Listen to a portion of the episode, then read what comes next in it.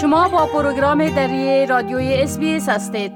حال جاوید روستاپور خبرنگار پروگرام دری در کابل. از طریق تلفن با ما به تماس هستند تا درباره تازه ترین تحولات در افغانستان معلومات ارائه کنند. آقای روستاپور سلام عرض می کنم خب اولتر از همه گفته میشه که طالبا به کشتن و دستگیری غیر نظامیان در ولایت پنشیر و ساحات دیگه افغانستان متهم شدن. اگر لطفا اولتر از همه در ای باره معلومات بتین با سلام و وقت شما بخیر. آقای شکیب بله همان گونه که شما گفتین طالبان پس از اینکه طی چند روز گذشته درگیریهایی داشتن در ولایت پنشیر بغلان و یکی دو والی ولایت تخار در شمال شرق افغانستان. منابع محلی به ها گفتند که پس از این درگیری ها افراد گروه طالبان غیر نظامیان را بازداشت کردند شماری از وار لط کوب کردند و حتی در این میان تعدادی را هم به رگبار بستند. میسم نظری مسئول روابط خارجی جبهه مقاومت ملی با نشر اعلامیه که نیروهای طالبان پس از آن که متقبل تلفات سنگین شدند و برخی مناطق را از دست دادند در ولسوالی های آبشار و عبدالله خیلی ولایت پنشیر بیشتر از 100 تن از غیر نظامیان را دستگیر کرده و نیم تن از را کشتن. منابع محلی هم گفتند که در میان کشته شده ها در ولایت پنشیر دو کودک و یک خانم شامل است. این مسئله با واکنش های بسیار جدی روبرو شد. به همین ترتیب در ولایت بغلان هم در ولسوالی اندرافا گفته شده که طالبان پس از اینکه درگیری کردند با مقاومتگران شماری از افراد محلی را بازداشت کردند و سرنوشت اونا تا کنون هیچ اطلاعی در دست نیست. در ولسوالی ورسج ولایت تخار نیز طالبان شماری از افراد را بازداشت کردند که در میان بازداشت شدگان یک شبان یا چوپان است که گوسفندهای خود را در دامانهای کوهها میچرانده و این را به اتهام از که با جبهه مقاومت ملی همدست و همکاری داشته را بازداشت کردند و با جای نامعلومی بردند طالبان پیش از این درگیری در پنشیر و تلفات را رد کرده بودند اما دیروز ابوبکر صدیق سخنگوی والی پنشیر گفت که پنج تن از نیروهای طالبان در درگیری با افراد جبهه مقاومت کشته شدند و او تایید کرد که شماری از افراد را بازداشت کردند و اگر مزدور بودن مورد پیگرد قرار می‌گیرن و اگر اتهاماتشان رد شد آزاد میشن ولی اون این که افراد را کشتن غیر نظامیان را برگبار بستن این را رد کرد. این در حالی است که در طی یک هفته گذشته ولایت پنشیر بغلان و تخار گواه یک سلسله درگیری های میان نیروهای جبهه مقاومت ملی و افراد گروه طالبان بود که بر بنیاد گزارش هایی که جبهه مقاومت ملی رایه کرده در این درگیری ها تعداد 20 نفر از افراد طالبان در پنشیر کشته شده شش نفرشان زخمی شده و شش نفر دیگه از دیار از جبهه مقاومت بازداشت کردند که ویدیوی از هم در شبکه های اجتماعی نشر کردن. اما SBS تایید کردن. نمی‌تونه از سقم و فقط این خبرها را به دلیل از اینکه طالبان محدودیت وضع کردن بر رسانه ها و هیچ رسانه در محل رویداد حضور پیدا کردن نمی‌تونه خبرنگارشان فقط منابع محلی می‌تونن که بر رسانه اطلاع بتن بله خب طالبا باز هم درباره یک نشست بزرگ ملی مردمی صحبت می‌کنه که در این نشست.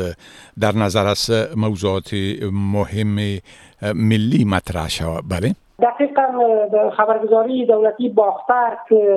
که قرار است در آینده بسیار نزدیک یک نشست کلان که تمام نماینده های مردم در اون حضور داشته باشند در کابل برگزار می شود و در این نشست در رابطه با مسائل سیاسی، امنیتی و اجتماعی صحبت خواهد شد. آگاهان به این باورند که با گذشت بیشتر از نو ماه از تسلط طالبان بر افغانستان طالبان با عدم مشروعیت داخلی روبرو هستند. همچنان بحران اقتصادی با گذشت هر روز بیشتر می شد و همچنان طالبان که ادعا می‌کردند که امنیت به سراسر افغانستان تامین است ولی با گرم شدن هوا دیده می‌شد که سنگرهای نبرد هم داغ می‌شد و با گذشت هر روز گسترش جنگ در ولایات بیشتر میشه به این دلیل طالبان قرار است که یک نشست را برگزار کنند و در این نشست مشروعیت داخلی را از مردم بگیرند. این دومین بار است که طالبان از برگزاری این نشست خبر می‌دهند ولی همچنانی که حالا هم در گزارش باختر آمده از زمان این نشست مشخص نیست و به زودی گفته که این نشست در کابل قرار است برگزار شود. طالبان تاکید کردند که این نشست مانند نشست های گذشته باید فرمایشی نباشد که اشارهشان به جرگه هایی بود که در زمان حکومت آقای کرزی و حکومت محمد اشرف برگزار شد. اما آگاهان به این باور هستند که طالبان هم این نشستشان فرمایشی خواهد بود و کسانی را که به عنوان نماینده در این نشست میارن کسایی هستند که از طرفدارای طالبان هستند نه از میان مردم. در غیر از او برنامه‌ای را که طالبان روی دست گرفتن از جمله مسجد ساختن مکاتب دخترانه وضع محدودیت بر زنان عدم حضور زنان در ادارات دولتی و خصوصی که از کار منع شدند. این مواردی است که همگی مخالف هستند مردم افغانستان با این بله. اگر که قرار باشد نماینده واقعی در این نشست بیایند شاید که چنین موارد را مطرح کنند. ولی بعید به نظر برسد که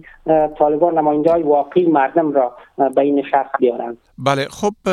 طالبان میگه که گداها را از جاده ها جمع آوری می‌کنن و گدایی را ممنوع می‌سازن اگر لطفا در ای باره کمی صحبت بکنین.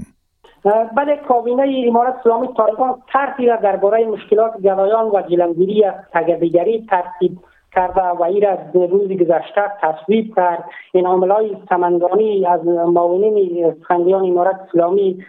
در یک اعلامیه نوشته که طرح تصویب شده و وزارت کار امور اجتماعی و جمعیت الهی احمر افغانی قرار است که در رابطه با اجرای شدن این طرح به صورت مشترک همکاری کنند.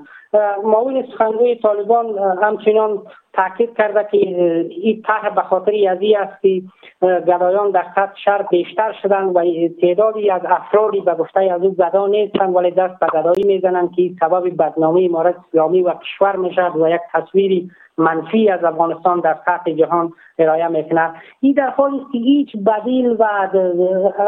راهکاری که بدیلی ازی باشد که گدایان را که جمع می‌کنند چی است؟ برای از ما باید بدیل ارائه کنند. زیرا گدایان مشکل دارند و مجبور هستند که دست به گدایی بزنند هیچ بدیل ارائه نکردند و گفته فقط یا را جمع می‌کنیم و این در وضعیتی است که روز گذشته گزارش نشر شد که بیشتر از 500 هزار نفر کاری خود را در نوم از دست دادند که 500 هزار نفر آمار بسیار کمی است به باور آگاهان. چون 80 درصد نهادهای غیر حکومتی که مسدود شدن و بیشتر از یک میلیون نفر شاید در افغانستان کاری خود را از دست داده باشند و فقر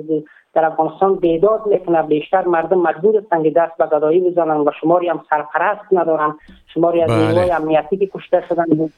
به سرپرست ماندن و به همین ترتیب افراد طالبان بله خب بسیار تشکر آقای روستاپور از معلوماتتان و فعلا شما را به خدا می سپارم و روز خوش برتان آرزو می کنم وقتی شما هم خوش خدا نگهدارتان